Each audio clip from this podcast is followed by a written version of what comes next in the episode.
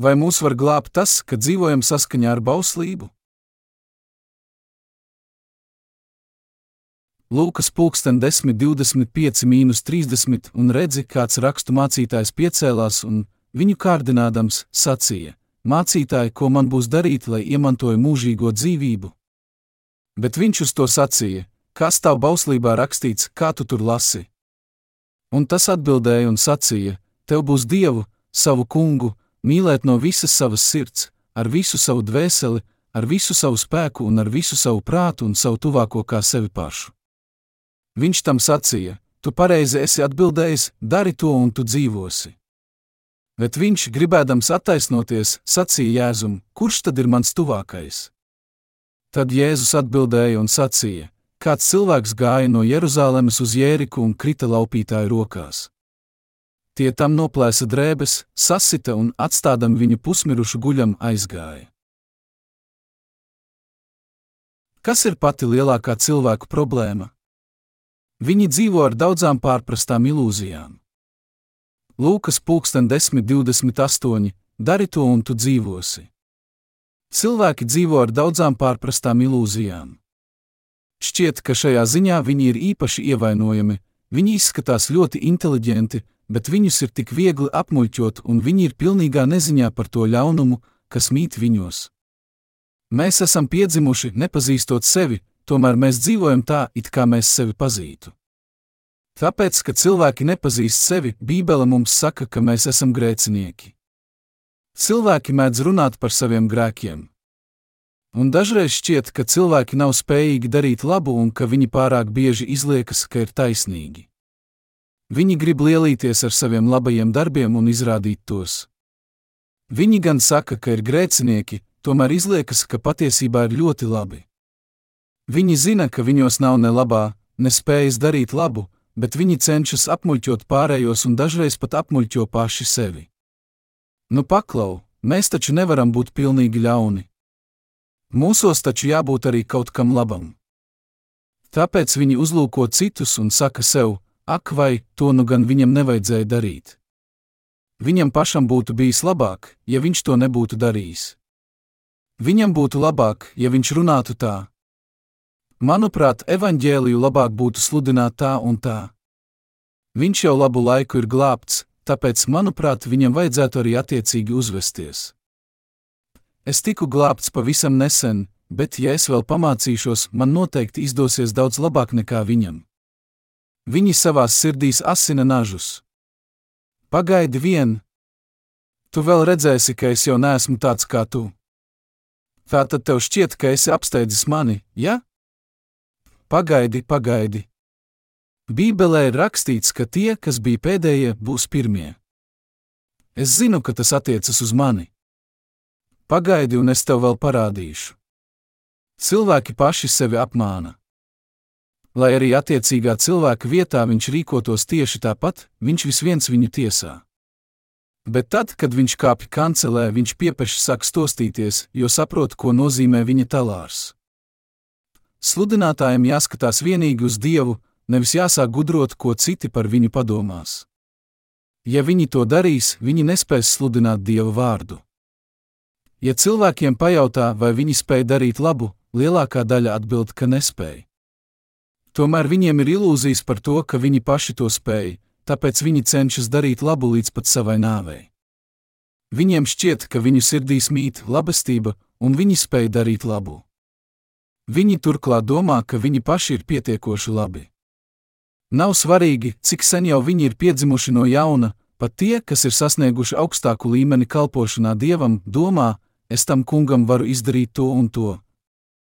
Bet, ja mēs izmetam mūsu kungu no mūsu dzīves, vai mēs tiešām varam darīt labu? Vai cilvēkiem piemīt kaut kas labs? Vai viņi var dzīvot, darot labus darbus? Cilvēki nespēja darīt labu.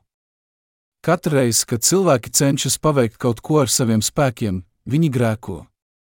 Daži atmet jēzu pēc tam, kad ir glābti, un cenšas paši paveikt kaut ko labu. Mūsos visos mīt tikai un vienīgi ļaunums. Mēs spējam darīt tikai un vienīgi ļaunu. Ar saviem spēkiem, pat ja mēs esam glābti, mēs spējam vienīgi grēkot. Tāda ir mūsu miesa. Ko mēs vienmēr darām, labu vai ļaunu? Ļaunu. Mūsu dziesmu grāmatā slavējiet to kungu, ir dziesma, kas skan šādi: bez Jēzus mēs vienīgi klūpam. Mēs esam nederīgi kā kuģis, kas šķērso jūru bez burām. Bez Jēzus mēs spējam vienīgi grēkot. Mēs esam taisnīgi tikai tāpēc, ka esam glābti. Patiesībā mēs esam ļauni. Apostols Pāvils teica: Jo labo, ko gribu, es nedaru, bet ļauno, ko negribu, to es daru, romiešiem 7.19. Ja cilvēks ir ar Jēzu, tam nav nozīmes. Taču, ja viņam ar viņu nav nekādas saistības, viņš cenšas būt labs Dieva priekšā. Tomēr, jo vairāk viņš cenšas, jo vairāk viņš saprot, ka dara ļaunu. Pat ķēniņam Dāvidam bija tāda daba. Kad viņa valstī valdīja miers un labklājība, viņš reiz ieraudzīja kārdinošu skatu un krita jutekliskās baudās. Viņš kļuva pilnīgi ļauns, kad aizmirsa to kungu. Viņš bija patiešām ļauns. Viņš nogalināja Ūriju un sāka dzīvot ar viņa sievu, bet viņš neredzēja, cik ļauns patiesībā bija. Viņš meklēja attaisnojumu savai rīcībai. Tad kādu dienu pie viņa atnāca Nātāns un teica: Divi vīri bija vienā pilsētā, viens bagāts un otrs nabaks. Bagātajam bija ļoti daudz sīklopu un lielopu, bet nabagajam no visa tā nebija itin nekā kā vienīgi viens pats jēriņš, vēl gluži mazs, ko viņš bija pircis un izaudzējis, un kas bija pie viņa izaudzis kopā ar viņa bērniem, tas ēda no viņa maizes rieciena un dzēra no viņa kausa, un pie viņa krūtīm gulēja, un šī mazā aitiņa bija viņam kā paša meita. Un, kad kādā dienā pie bagātā vīra ieradās viesis, tad viņam bija žēl ņemt ko no sava sīklopu un lielopu pulka, lai sagatavotu mīlestību viesim, kas bija pie viņa atnācis, bet viņš ņēma nabagā vīra aitiņu un to sataisīja savam ciemiņam otrais. Samuēla 12, 1, 4. Dāvids iesaucās: Tas vīrs, kas to ir darījis, ir nāvi pelnījis. Viņš bija iededzies dusmās, tādēļ viņš teica: Viņam pašam bija tik daudz sīklopu, viņš taču varēja ņemt kādu no tiem. Tomēr viņš paņēma nabagā vīra jēriņu, lai pagatavotu to savam ciemiņam. Viņam jāmirst. Un Nātāns viņam atbildēja: Tu esi tas vīrs. Ja mēs nesakojam Jēzum un nesam ar viņu, tad pat tie, kas piedzimuši no jauna, var tā rīkoties. Tā tas notiek ar visiem cilvēkiem, pat ar uzticīgajiem. Bez Jēzus mēs vienmēr klūpam un darām ļaunu. Tāpēc šodien mēs atkal esam pateicīgi par to, ka Jēzus mūs glābis, neskatoties uz to ļaunumu, kas ir mūsos. Es vēlos atpūsties krusta ēnā. Mūsu sirdis atpūšas Jēzus izpirkuma ēnā. Taču, ja mēs atstājam šo ēnu un uzlūkojam sevi, mēs nekad nevaram atvilkt telpu. Dievs mums deva ticības taisnīgumu pirms bauslības. Kas bija vispirms, ticība vai bauslība? Ticība. Apostolis Pāvils teica, ka Dievs vispirms mums devis ticības taisnīgumu. Ticības taisnīgums bija vispirms. Viņš to deva Ādamam un Ievai Kainam un Ābelam, tad Setam un Ēnoham. Līdz pat Noam. Tad Abrahamam, tad Īzākam, Jēkabam un viņa 12 dēliem.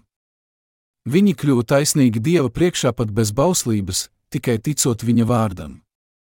Viņi saņēma svētības un mieru caur savu ticību viņa vārdam. Un laiks gāja uz priekšu, un Jēkaba pēcteči Jāzepa dēļ dzīvoja Eģiptē 400 gadus kā vergi. Tad caur mūzu dievs viņus izveda Kanānas zemē. Tomēr 400 verdzības gadu laikā viņi bija aizmirsuši ticības taisnīgumu. Dievs viņus brīnumainā kārtā pārveda pār sarkano jūru tuksnesī. Tad, kad viņi bija sasnieguši Sinai tuksnesi, viņš tiem Sinai kalnā deva bauslību. Viņš tiem deva desmit baušļus, kas saturēja 613 sīkus likuma skaidrojumus. Es esmu Dievs, jūsu kungs, Abrahāma, Īzāka un Jēkaba Dievs. Lai Mozus kāpj Sinai kalnā, un es jums došu bauslību. Dievs Izrēlam deva bauslību. Viņš deva viņiem bauslību, lai viņi gūtu grēka atziņu romiešiem pulksten 3.20. Tā bija paredzēta, lai Izraels zinātu, kas Dievam patīk un kas nepatīk, un lai atklātu viņa taisnīgumu un svētumu. Visi Izraēla ļaudis, kas 400 gadus bija vergi Eģiptē, šķērsoja sarkano jūru.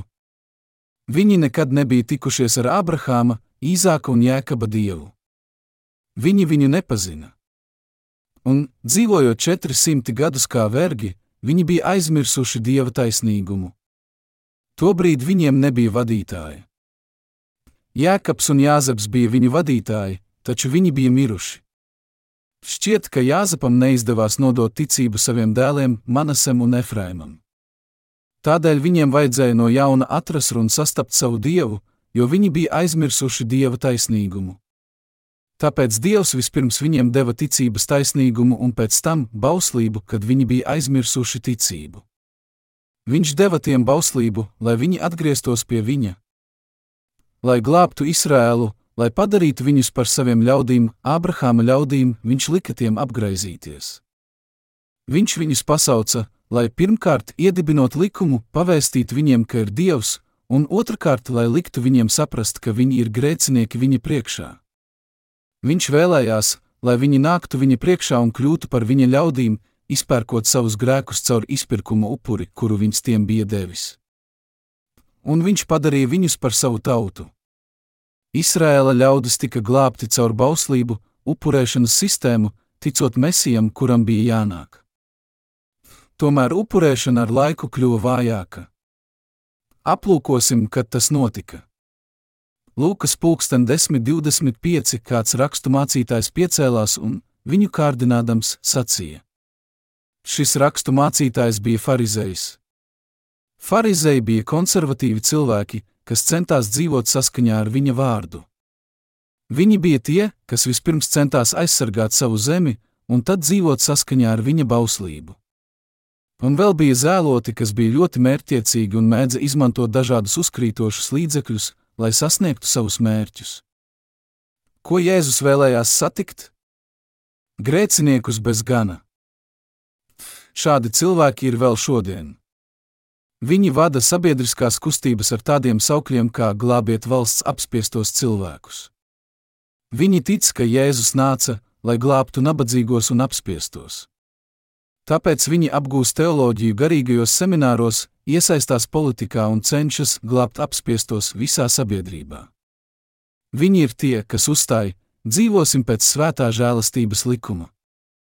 Dzīvosim saskaņā ar bauslību, ar viņa vārdu. Bet viņi neizprot bauslības patieso nozīmi.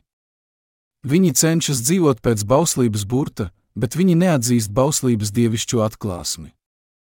Var teikt, ka apmēram 400 gadus pirms Kristus nebija neviena pravieša, dieva kalpa. Tā viņi bija kļuvuši par ganāmpulku bez gana. Viņiem nebija ne bauslības, ne vadītāja. Dievs neatklājās caur to laiku liekulīgajiem reliģiskajiem vadītājiem. Valsts bija kļuvusi par Romas impērijas koloniju. Tāpēc Jēzus teica tiem Izraēla ļaudīm, kas sekoja viņam tuksnesī, ka viņš nesūtīs tos prom izsalkušus. Viņš apžēlojās par ganāmpulku bez gana. Tolaik bija daudzi, kas cieta. Pamatā visas tiesības tolaik bija rakstu mācītājiem, farizēji, pēc izcelsmes izrēlieši, sekoja jūdaismam.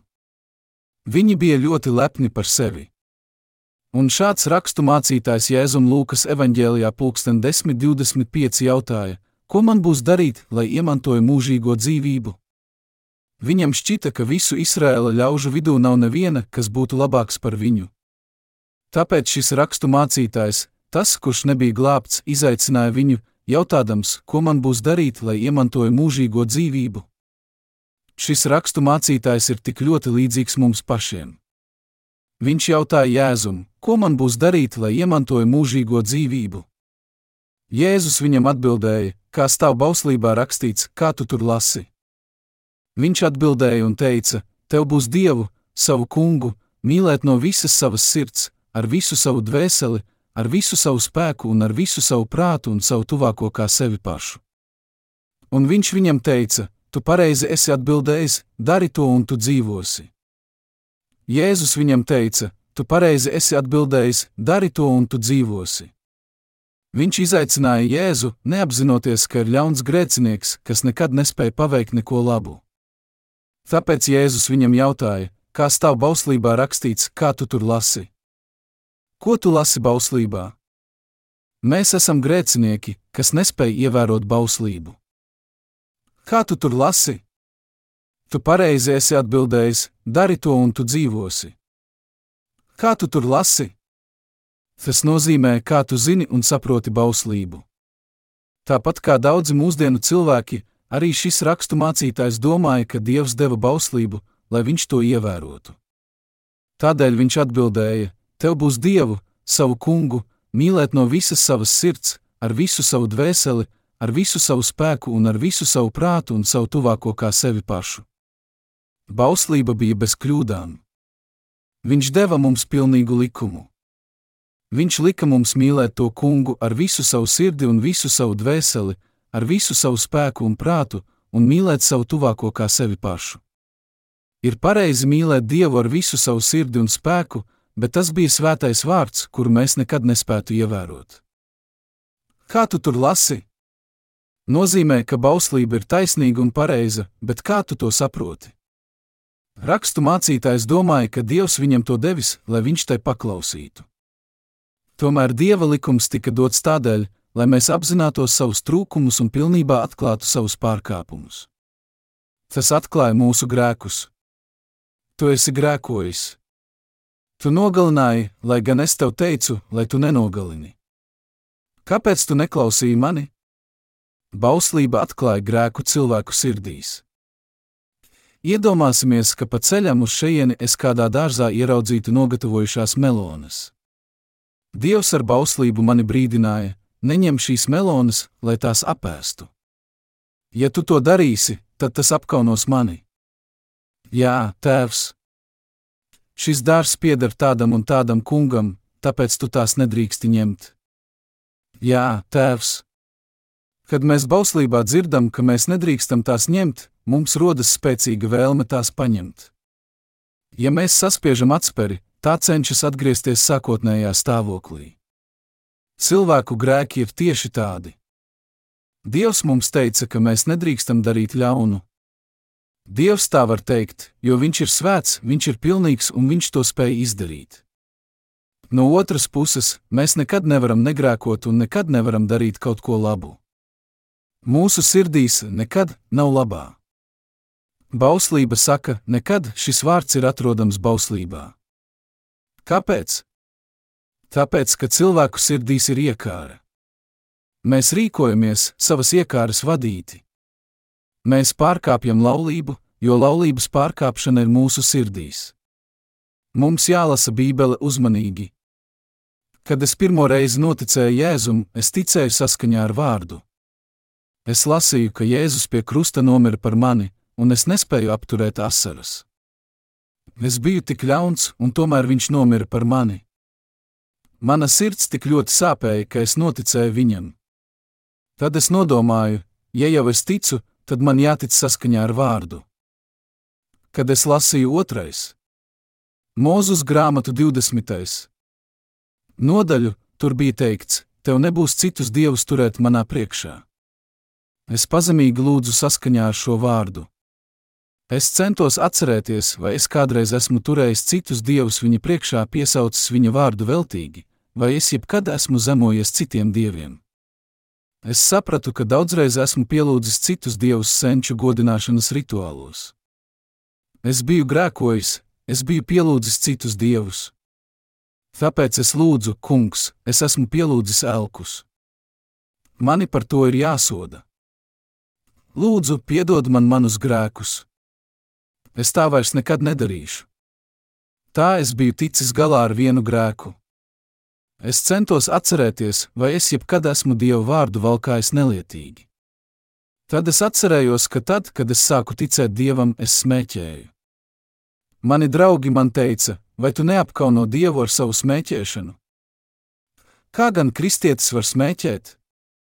Tā bija viņa vārda nelietīga valkāšana, vai ne? Tāpēc es atkal lūdzu, kungs, es nelietīgi valkāju tavu vārdu. Lūdzu, piedod man! Es pārtraukšu smēķēt. Tā no es centos atmest smēķēšanu, bet veselu gadu laiku pa laikam aizdedzināju kādu cigareti. Atmest smēķēšanu bija tiešām ļoti grūti, gandrīz neiespējami. Bet beigu beigās es pilnībā pārtraucu smēķēt. Man šķita, ka esmu ticis galā ar vēl vienu grēku. Nākošais bija: piemini sabata dienu, kad tu to svētīji. Tas nozīmēja, ka es svētdienās nedrīkstēju darīt citas lietas, slēgt darījumus, pelnīt naudu. Es pārtraucu arī to, tad sekoja: godini savu tēvu un savu māti. Es godāju viņus, kad es biju prom, bet viņi radīja sirdsēstus, kas es biju ar viņiem. Es nožēlas pilns lūdzu, ak, vai es esmu grēkojis Dieva priekšā. Lūdzu, piedod man, kungs! Bet es vairs nevarēju godināt savus vecākus, jo viņi abi tad jau bija miruši. Ko gan es varēju darīt? Kungs, lūdzu, piedod šim nevērtīgam grēciniekam. Tu miri pie krusta par mani. Cik pateicīgs es biju! Šādā veidā man šķita, es varēju pakāpeniski atbrīvoties no saviem grēkiem. Bija arī citi baušļi, kas aizliedza nogalināt, pārkāpt laulību, iekārot cita mantu. Es sapratu, ka neesmu ievērojis nevienu no tiem. Es lūdzu visu nakti. Bet grēku nožēlas lūkšana nav pārāk patīkama. Parunāsim par to, kad es domāju par Jēzus krustā sišanu, es spēju iedomāties, cik sāpīgi tas bija. Un viņš mira par mums, kas nespēja dzīvot saskaņā ar viņa vārdiem. Es visu nakti raudāju un domāju, cik ļoti es viņu mīlu, un pateicos par to, ka viņš man sniedza patiesu prieku. Pirmais gads, kad es apmeklēju baznīcu, bija diezgan viegls, bet nākamie gadi kļuva daudz grūtāki, jo man vajadzēja daudz vairāk domāt, lai asaras atkal plūstu. Es to darīju tik bieži. Kad asaras vēl joprojām neticēja, bieži vien es devos lūgt kalnos un gavēju trīs dienas. Tad asaras atgriezās. Es biju piesūcināts ar savām asarām, atgriezos atpakaļ sabiedrībā un raudāju baznīcā. Apkārtējie man teica, tu esi kļuvis daudz svētāks ar savām lūkšanām kalnos. Tomēr asaras nenovēršami atkal izsīka. Trešajā gadā kļuva patiešām smagi. Es atcerējos visu ļauno, ko es esmu darījis saviem draugiem un citiem kristiešiem, un atkal raudāju. Pēc četriem gadiem asaras atkal izsīka. Manās acīs bija asaru dziedzeri, bet tie vairs nedarbojās. Pēc pieci gadiem es vairs nespēju paraudāt, lai kā arī es centos. Tad man sāka tecēt deguns. Vēl pēc pāris gadiem es sāku just pret sevi riebumu un atkal pievērsos Bībelē. Bauslība ir dota, lai apzinātos grēku. Kas mums jāzina par bauslību? Mēs nekad nevaram to ievērot. Vēstulē romiešiem pulksten 3.20 teikts, jo bauslība dod grēka atziņu. Es domāju, ka šī ir personīga vēsts apustulim Pāvilam un ticēju tikai tiem vārdiem, kuriem vēlējos. Taču tad, kad manas asaras izsīka, es nespēju turpināt savu ticības dzīvi. Un tā es grēkoju atkal un atkal un atklāju, ka grēks mīt manā sirdī un es nespēju dzīvot saskaņā ar bauslību. Es to nespēju izturēt. Tomēr es nevarēju atmest bauslību, jo man šķita, ka tā ir dota, lai tai paklausītu. Galu galā es kļuvu līdzīgs rakstos minētajiem rakstu mācītājiem. Turpināt ticības dzīvi kļuva tik grūti. Tāpēc, lai atbrīvotos no grūtībām, es sāku meklēt sludinātāju, kas sludinātu atzimšanu ūdenī un garā. Es satiku sludinātāju, kas sludināja, ka visi mūsu grēki ir izpirkti. Kad es dzirdēju, ka esmu bez grēka, man šķita, ka manai sirdī cauri trauca svaiga vēja plūsma. Manī bija tik daudz grēka, ka, lasot bauslību, es sāku šos grēkus apzināties. Savā sirdī es biju pārkāpis visus desmit baušļus. Grēkot sirdī arī ir grēks, un neapzināties biju sācis godāt bauslību. Kad es ievēroju bauslību, es biju laimīgs. Kad es nespēju to ievērot, es biju nožēlojams, aizkaitināts un noskumis. Tas mani galīgi nomocīja. Ja vien man jau no sākuma būtu mācījuši, nē, nē. Bauslība ir cita nozīme. Tā tev parāda, ka tu esi pazudis grēcinieks, tu mīli naudu, pretējo dzimumu un skaistas lietas. Tev ir lietas, kuras tu mīli vairāk par dievu. Tu vēlēsies sekot pasaules lietām. Bauslība tev tika dota nevis lai to ievērotu, bet lai tu saprastu, ka esi grēcinieks, kura sirdī mīt ļaunums. Ja vien kāds toreiz to būtu man pateicis, man nebūtu jācieš desmit gadus. Tā es biju dzīvojis zem bauslības desmit gadus, līdz es to sapratu. Ceturtais bauslis ir: piemini sabata dienu, kad tu to svētīji. Tas nozīmē, ka mēs nedrīkstam strādāt sabata dienā. Pat ļoti gari attālumi mums jāiet kājām, un mēs nedrīkstam izmantot transporta līdzekļus. Tāpēc es domāju, ka man jāiet kājām uz dievkalpojuma vietu, lai es būtu godājams. Galu galā es taču grasījos sludināt bauslību. Tāpēc es domāju, ka man pašam jādara tas, ko es sludinu. Tas bija tik grūti, ka es biju gatavs to pārtraukt. Kā šeit ir rakstīts, kā tu tur lasi? Desmit gadus es nesapratu šo jautājumu un cietu. Arī rakstu mācītājs to pārprata. Viņš domāja, ka, ja viņš ievēros bauslību un dzīvos uzmanīgi, viņš tiks svētīts. Bet Jēzus viņam teica: Kā tu tur lasi? Jā, tu esi atbildējis pareizi, tu uztver to burtiski. Pamēģini to ievērot. Ja tev tas izdosies, tu dzīvosi, ja nē, tad tu mirsi. Grēka alga ir nāve. Tu mirsi, ja tā nedarīsi. Dzīvības pretstats taču ir nāve, vai ne? Bet rakstu mācītājs vēl joprojām nesaprata. Šādi rakstu mācītāji esam arī mēs, es un tu. Es desmit gadus studēju teoloģiju. Es izmēģināju visu, izlasīju visu un darīju visu, gavēšanu, ilūzijas, runāšanu mēlēs. Es lasīju Bībeli desmit gadus un cerēju kaut ko sasniegt. Bet garīgi es biju akls. Tieši tāpēc grēciniekam ir jāsatiek kāds, kas var viņam parādīt, ka viņš ir mūsu kungs Jēzus. Tad viņš saprot, ah, mēs nekad nespējam ievērot bauslību. Nav nozīmes, cik ļoti mēs cenšamies, mēs tikai nomirsim cenšoties. Bet Jēzus nāca, lai glābtu mūs ar ūdeni un ar garu. Aleluja! Mēs varam tikt izpirkti ar ūdeni un garu. Tā ir žēlastība, dieva dāvana. Un tāpēc mēs slavējam to kungu. Man paveicās, es atstāju izmisuma ceļu, bet daži visu mūžu pavada, veltīgi studējot teoloģiju, un tā arī nekad neatrod patiesību līdz savas nāves dienai. Daži tic desmitiem gadu vai no paudzes paudzē, bet tā arī nekad nav piedzimuši no jauna. Mēs pārstājam būt grēcinieki tad, kad saprotam, ka nekad nespēsim ievērot bauslību un nostājamies Jēzus priekšā, lai dzirdētu ūdens un gara evaņģēliju. Kad mēs sastopam Jēzu, mēs kļūstam brīvi no tiesas un lāsta. Mēs esam visļaunākie grēcinieki, bet mēs kļūstam taisnīgi, jo Viņš mūs ir izglābis ar ūdeni un asinīm. Jēzus mums teica, ka mēs nekad nespēsim dzīvot saskaņā ar Viņa gribu.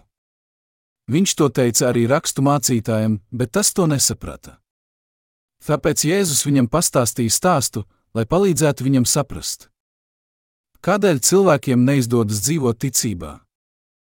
Grēka dēļ. Kāds cilvēks gāja no Jeruzalemes uz Jēriku un krita laupītāju rokās. Tie tam noplēsa drēbes, sasita un, atstādami viņu pusmirušu guļam, aizgāja Lūkas pulksten 10.30. Jēzus viņam teica, ka viņš bija cietis visu savu mūžu, gluži kā šis vīrs, kuru piekāva zagļi un kurš gandrīz nomira. Cilvēks gāja no Jeruzalemes uz Jēriku. Jērika ir laicīgā pasaule, un Jeruzaleme attēlo reliģijas pilsētu, ticības, bauslības cienītāju pilsētu. Šis salīdzinājums mums paskaidro, ka, ja mēs ticam Kristum kā savai reliģijai, mēs noteikti tiksim sagrauti. Kāds cilvēks gāja no Jeruzalemes uz Jēriku un krita laupītāju rokās.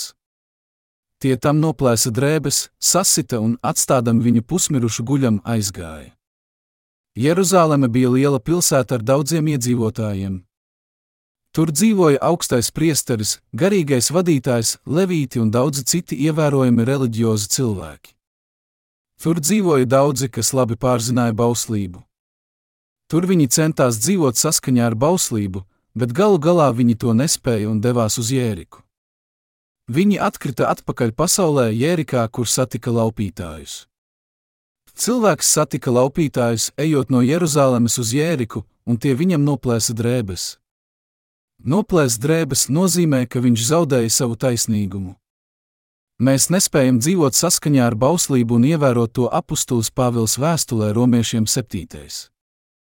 Nodaļā teica, jo labo, ko gribu, es nedaru, bet ļauno, ko negribu, to es daru.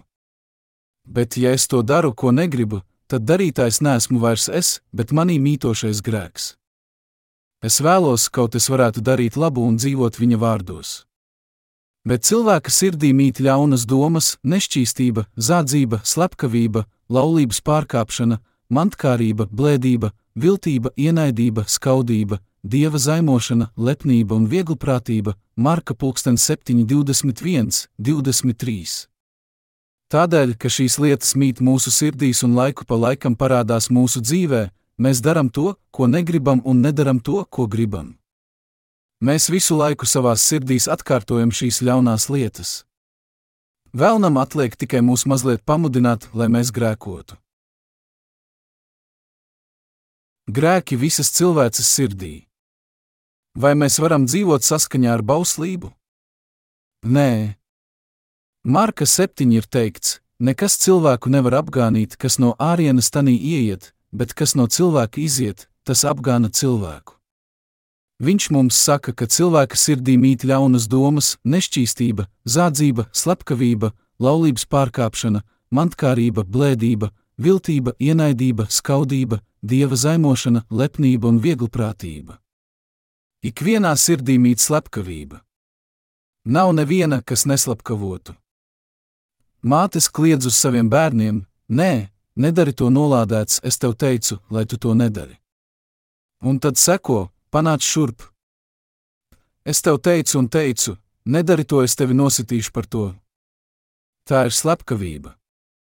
Mēs varam nogalināt savus bērnus ar nepārdomātiem vārdiem. Mūsu bērni šķiet ir dzīvi, jo viņi tik ātri no mums aizbēg, bet ja mēs izgāzīsim savas dusmas uz viņiem, viņi mirs. Dieva priekšā mēs viņus būsim nogalinājuši. Dažreiz mēs izbīstamies. Ak, mans Dievs! Kāpēc es tā darīju? Mēs redzam zilumus, kas paliek, kad sitam savus bērnus, un domājam, ka mēs bijām traki, ja spējām tā rīkoties. Mēs tā rīkojamies, jo mūsu sirdīs ir slepkavība. Tā tad, ko negribu, to es daru, nozīmē, ka mēs darām ļaunu, jo esam ļauni. Un sātanam ir tik viegli mūs iekārdināt ar grēku. Pieņemsim, ka kāds vīrs, kurš nav glābts, sēdētu būdā desmit gadus, skatītos uz sienu un meditētu kā dižais korejiešu mūks sunčols. Kamēr viņš sēž ar seju pret sienu, viss ir kārtībā, bet kādam jāpienes ēdiens un jāizvāc netīrumi. Tad viņam jāsastopas ar kādu. Nebūtu nekādu problēmu, ja tas būtu vīrietis, bet pieņemsim, ka tā ir brīnišķīga sieviete. Ja viņš nejauši viņu redzētu, visa viņa sēdēšana būtu velta. Viņš domātu, Es nedrīkstu pārkāpt laulību, šis grēks gan ir manā sirdī, bet man no tā jāatbrīvojas. Man tas jāizmet no savas sirds. Nē, prom no mana prāta.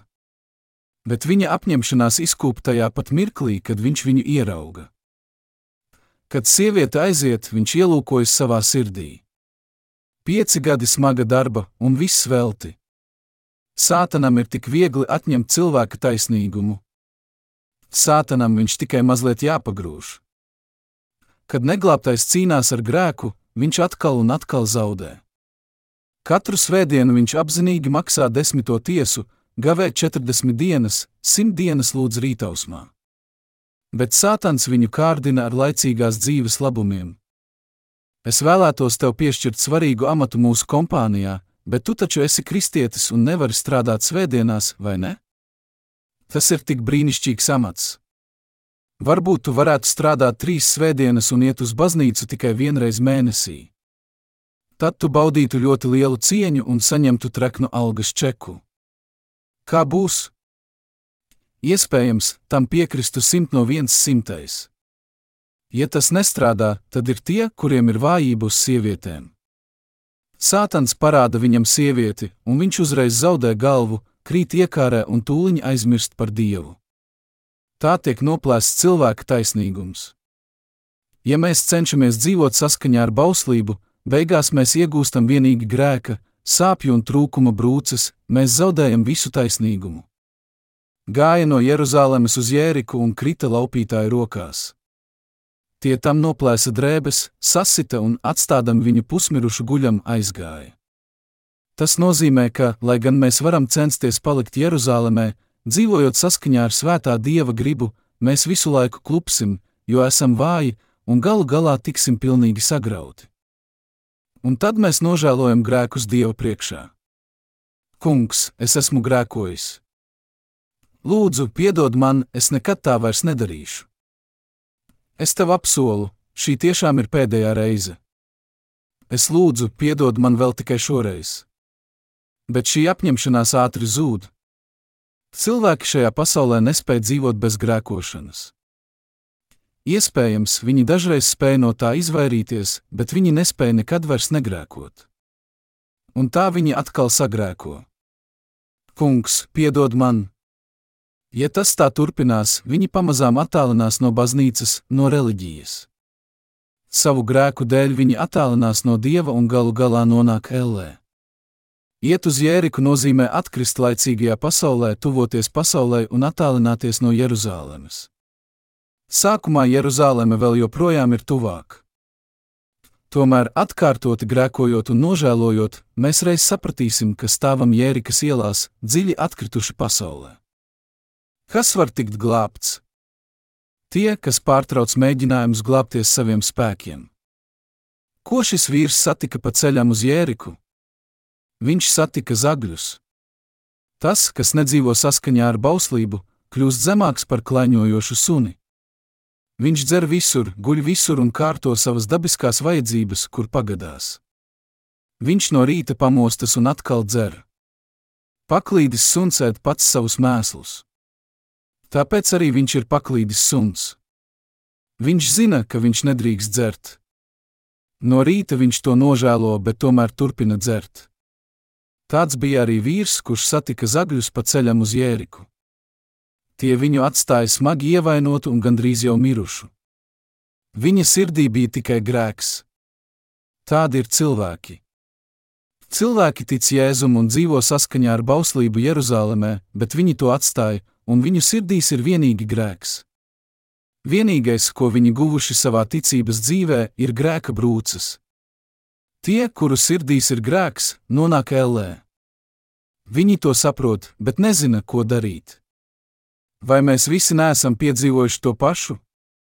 Jā, mēs visi bijām vienādi.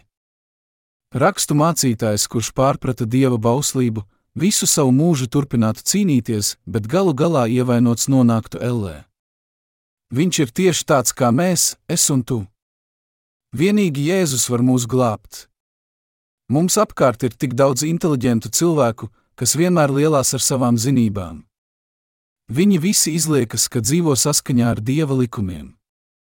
Viņi nespēja būt godīgi pret sevi. Viņi nesauc lietas īstajos vārdos, bet vienmēr uzspodrina savu ārējo izskatu, lai izskatītos uzticīgi. Viņu vidū ir grēcinieki, kuri dodas uz jēriku, tie, kurus piekāvuši laupītāji un tie, kas jau ir miruši. Mums jāzina, cik trausli mēs esam Dieva priekšā. Mums jāatzīst viņa priekšā, kungs, es nokļūšu ellē, ja tu mani neglābsi. Lūdzu, glāb mani! Es iešu tur, kur tu vēlēsies, pat ja man apkārt plosīsies vētras un negaisi, ja vien tu ļausi man dzirdēt patieso evaņģēliju. Ja tu mani atstāsi, es nonākšu ellē. Es lūdzu tevi, glāb mani! Tie, kas apzinās, ka dodas uz elli, tie, kas vairs nemēģina glābties paši, bet paļaujas uz to kungu, ir tie, kas var tikt glābti. Mēs paši nekad nespēsim sevi glābt. Mums jāsaprot, ka esam tādi kā tas vīrs, kurš krita laupītāju rokās.